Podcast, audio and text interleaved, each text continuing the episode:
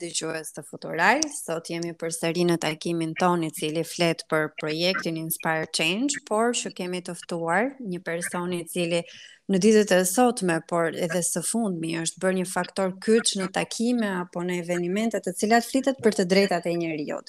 Dhe unë në fakt dua ta falenderoj Robert Gajdën, komisionerin për mbrojtje nga diskriminimi, i cili po bëhet pjesë për herë të parë në një podcast sot. Përshëndetje Robert. Përshëndetje. Përshëndetje. Faleminderit për ftesën.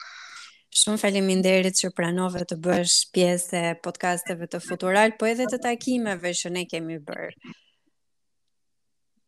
Faleminderit ju për gjithë mundësitë e ofruara, dhe sidomos edhe për mënyrën e takimeve, të cilat mhm. dalin pak nga formati zyrtar me cilin jemi mësuar dhe na japin mundësi që të shprehemi më shumë lidhje me të drejtat e njeriut.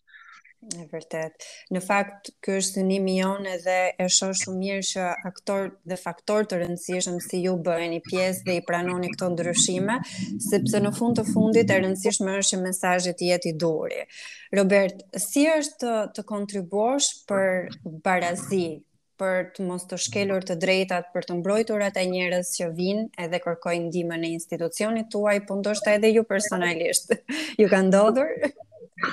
Ndodh shpesh, uh, neve kemi akoma një koncept në shoqëri që shpesh herë personat ndihen më mirë kur kontaktojnë me titullarin e një institucioni.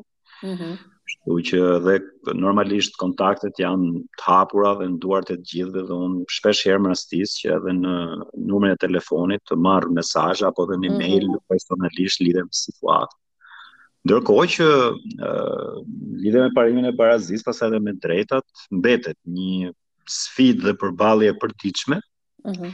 me shumë situata të ndryshme të cilat ndikojnë në jetën e përditshme të qytetarëve, por dhe ndikojnë në një mos realizim apo mos gëzim të të drejtave të qytetarëve, të cilët fatkeqësisht në pjesën më të madhe janë qytetarë që për shumë arsye të ndryshme janë të pamundur, mm. janë të pamundur kryesisht ekonomikisht, çka në këndvështrimin tim ndikon shumë pastaj në sjellje të ndryshme diskriminuese që ndodhin, por pastaj janë dhe të pamundur për shkak të kësaj pamundësie ekonomike dhe nga aspekti shoqëror, dhe edhe nga aspekti intelektual, mm -hmm. të cilat të ndërthurura bashkë pastaj gjenerojnë në përditshmëri sjellje diskriminuese kundrejt këtyre grupeve dhe kundër kundrejt këtyre individëve. Robert, cilat janë disa nga uh, kërkesat apo nga ankesat që bëhen në raport me shkeljen e të drejtave, pra me këtë pjesën e diskriminimit?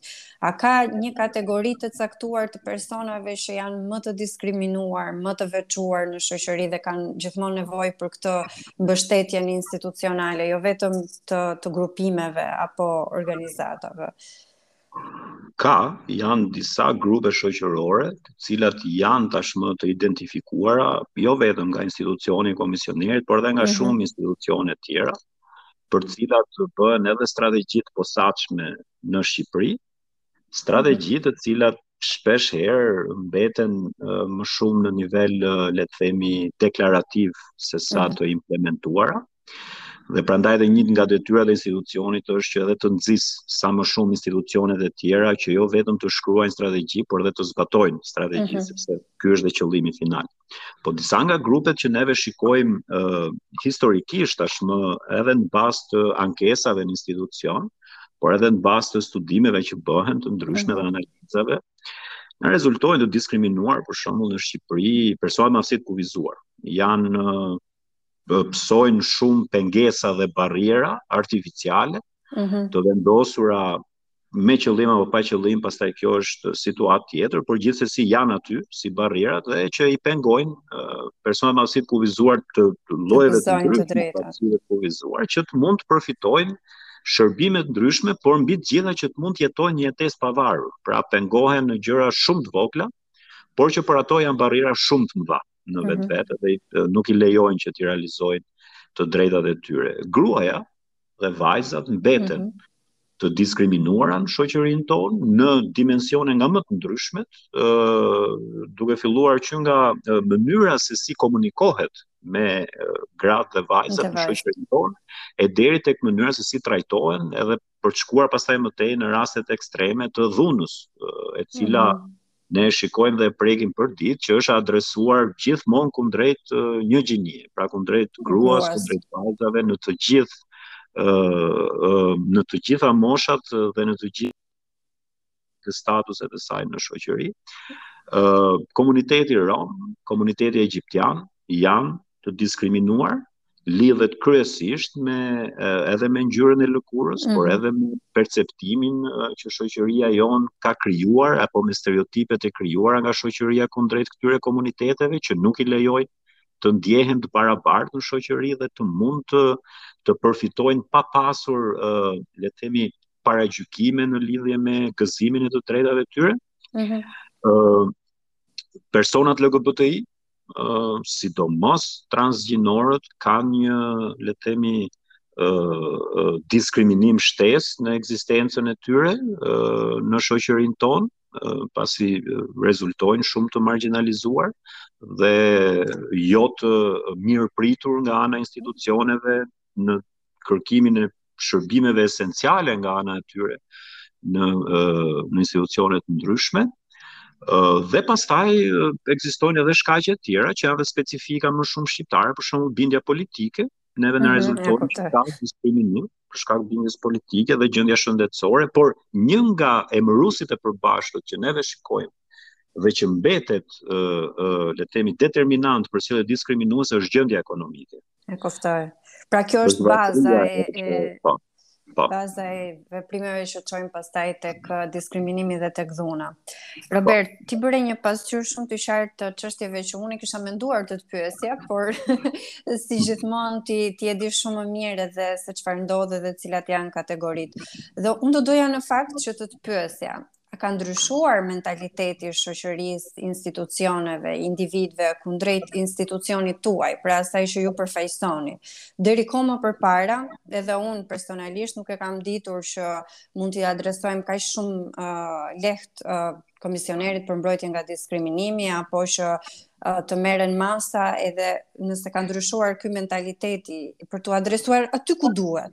Se ne kemi edhe këtë problemin që kur kemi probleme qoftë të vogla por edhe të mëdha, adresohemi tek komshiu, komshia, shoqja, shoku dhe pastaj e komplikojmë edhe nuk i gjejmë kurrë zgjidhje problemit.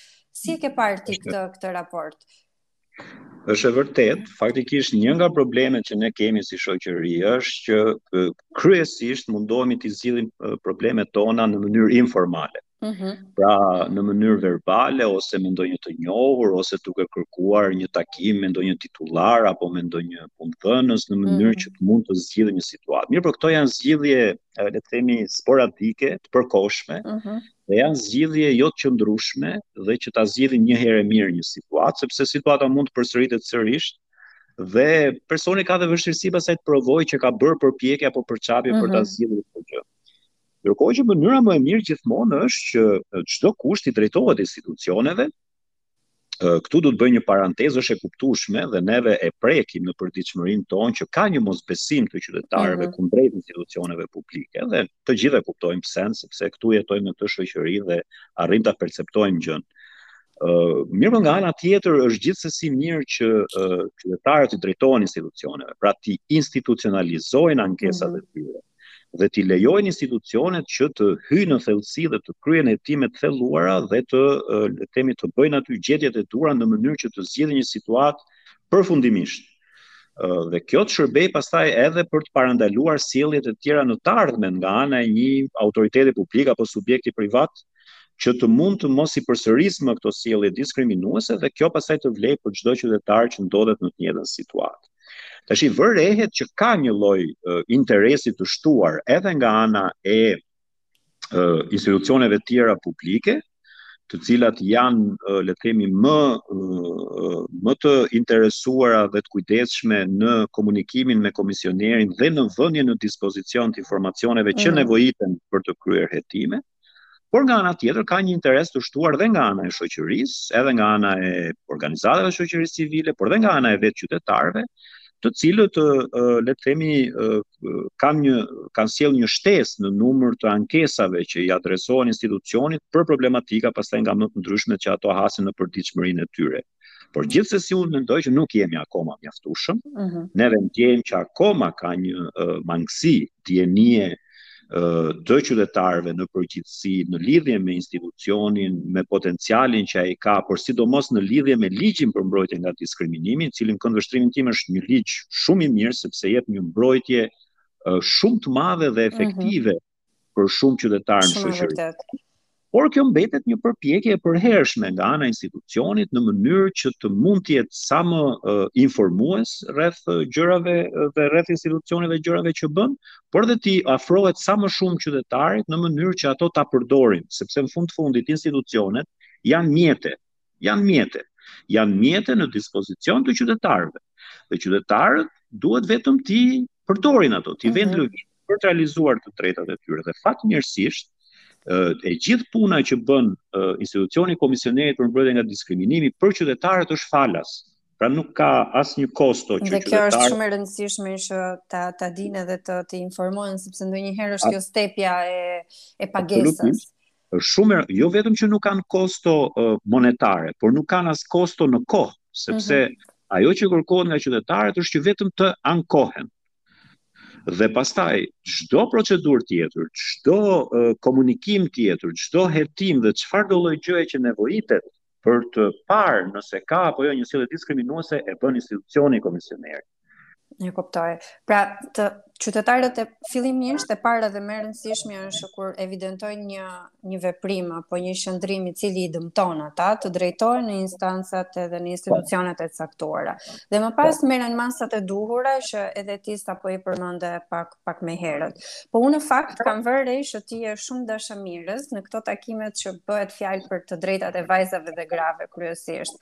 Dhe unë të falenderoj që u bëre pjesë e dhe një takimi të futural, sepse ke dhënë kontribut shumë të vyer për ata studentë që ishin pjesë, po edhe për ne që të dëgjuam edhe të pamë në një këndvështrim tjetër. Si është kjo situata e vajzave dhe grave? Si e shikon uh, komisioneri? Po në radhë të parë diskriminimi kundrejt grave dhe vajzave është në të vërtetë mbetet një nga diskriminimet më atipike në logjikën diskriminuese, sepse le të themi e para ka baza të hershme historike dhe kulturore në shoqëri të ndryshme, E dyta sepse është një nga diskriminimet më të çuditshëm, pasi kryesisht diskriminimi ndodh në baza shumice dhe pakice në të vërtetë. Mm -hmm. Ndërkohë që kur bëhet fjalë për diskriminimin gjinor, kjo logjikë nuk funksionon, sepse nuk ka një shumicë dhe pakicë numerike burra dhe gra, por për shumë shkaqe të statusit që burri ka pasur në shoqëri prej shekujsh. Ëh. Mm -hmm. Le të themi e e bën atë në një shoqëri që të jetë që të ndjehet më superior dhe më agresiv kundrejt gruas dhe vajzave. Dhe kjo pastaj manifestohet në sjelljet nga më të ndryshme që neve shikojmë në në të ndodhin në shoqërinë tonë dhe që mbetet një problem shumë i madh sepse fatkeqësisht jo rrallëherë përfundon edhe me vrasjen e vërtet gruas dhe të vajzave. Dhe që janë raste shumë të shpeshta në Shqipëri për fat të keq. Janë të shpeshta dhe janë jashtëzakonisht shqetësuese dhe na tregon neve në të vërtetë se sa e thellë është akoma kjo diferencimi dhe ky raporti burrë grua në shoqëri ku gjithmonë burri është le të themi ë ë dominante Me me atë dominancën e tij agresive përfundon deri në në vrasjen e, e grave dhe vajzave.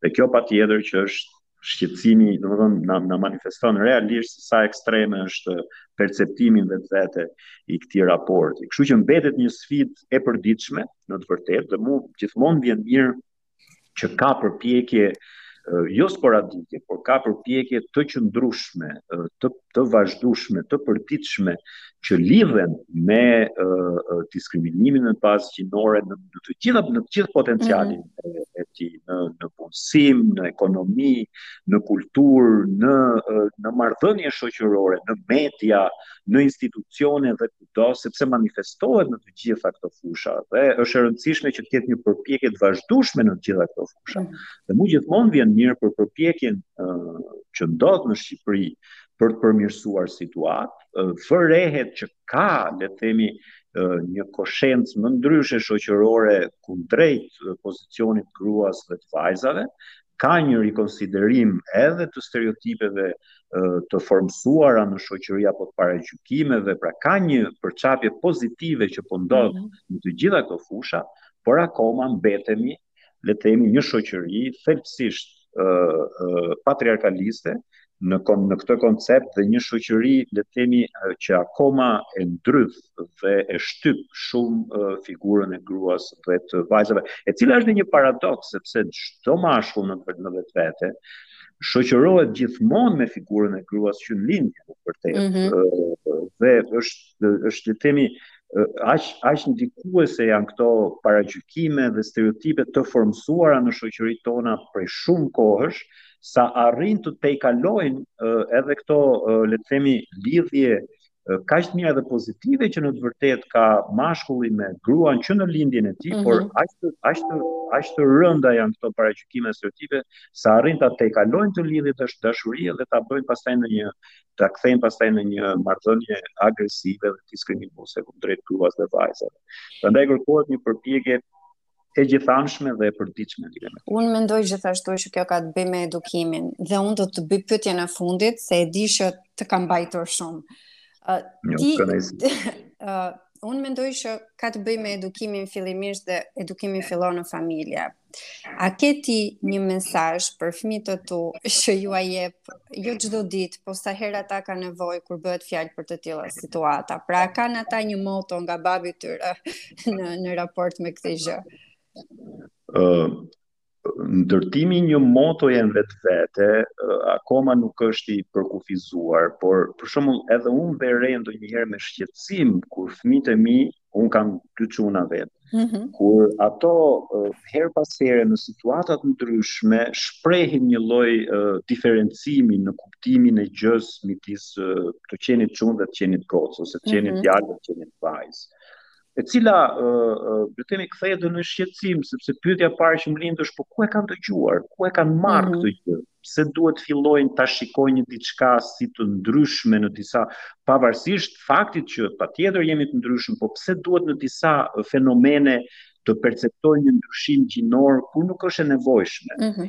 Dhe kjo më bën të kuptoj që le të themi edhe me fillimisht gjëja më e mirë që duhet bëjë çdo njeri është që të të të përpjekjen e tij të përditshme ta bëjë radhë parë me fëmijët e tij mhm. duke mos u lodhur dhe duke mos reshtur në të shpjeguar dhe në të kuptuar realisht le të themi ekzistencën apo realisht ndryshimet që kanë njerëzit, por mbi të gjitha faktin e të mos diferencuarit në mënyrë gjinore ose në aspekte gjinore për situata të ndryshme që ndodhen, sepse në të vërtetë nuk ka, nuk, nuk ka pse të ketë, nuk ka mhm. pse një diçka të shikohet që është vetëm për vajza, dhe një diçka të shikohet që është vetëm për çuna, që vetëm për djem, vetëm kjo në vetvete është një, le të themi, qasje apo informim apo botëkuptim i gabuar që neve i injektojmë fëmijëve tanë që në që në fëmi, që në fëmijërinë e tyre, dhe që pastaj mund të marrë forma nga më të ndryshmet kur ato rriten dhe perceptojnë gjënë. Kështu që unë më shumë sesa një moto, Ajo që unë mendoj që duhet të ndodhë është një përpjekje e vazhdueshme dhe e duru, me durimin e duhur nga ana e prindërve për t'i për të komunikuar me fëmijët e tyre dhe për t'i bërë ato të kuptojnë, le të themi në radhë parë, humanizmin. mhm. të qenit njeri në vetvete, është kjo emëruesi i përbashkët që ne kemi. Dhe sa më mirë ne e kuptojmë këtë gjë, aq më pak neve merremi me përkatësira, me ndasira apo me paragjykime apo me stereotipe, dhe aq më qesharake do të na duken paragjykimet dhe stereotipet kur i dëgjojmë gjithmonë kur ne nisemi nga parimi i njeriut vetvete, i të qenit njerëz vetvete në identitetin tonë. është e përhershme, por nga ana tjetër unë e kuptoj që shumë shpesh familjet vetë bëhen ato padashje, bëhen ato vetë le të themi nxitës të diferencimit gjinor që ndodh midis uh, uh, burrave dhe grave. Dhe, dhe sa problematika ka, Robert, do me thënë nëse ne vazhdojmë këtë podcastin, do na duhet kohë edhe do na duhet t'i veçojmë të gjitha këto që ti përmende dhe të bëjmë jo një podcast, po 10.